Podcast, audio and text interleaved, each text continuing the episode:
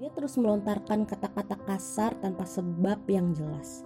Sampai gue pun udah gak kuat banget. Udah give up deh. Suatu hari kami bertengkar hebat. Dan akhirnya kami saling tampar. Buat gue saat itu move on bukanlah hal yang mudah. Karena gue menjalani hubungan cukup lama, sangat lama. Bahkan itu adalah hubungan terlama gue. Uh, yang lebih parahnya lagi, dia kayak mulai cari tahu password Facebookku aku juga nggak tahu kenapa dulu aku kasih gitu ya. Stupid. But ya yeah.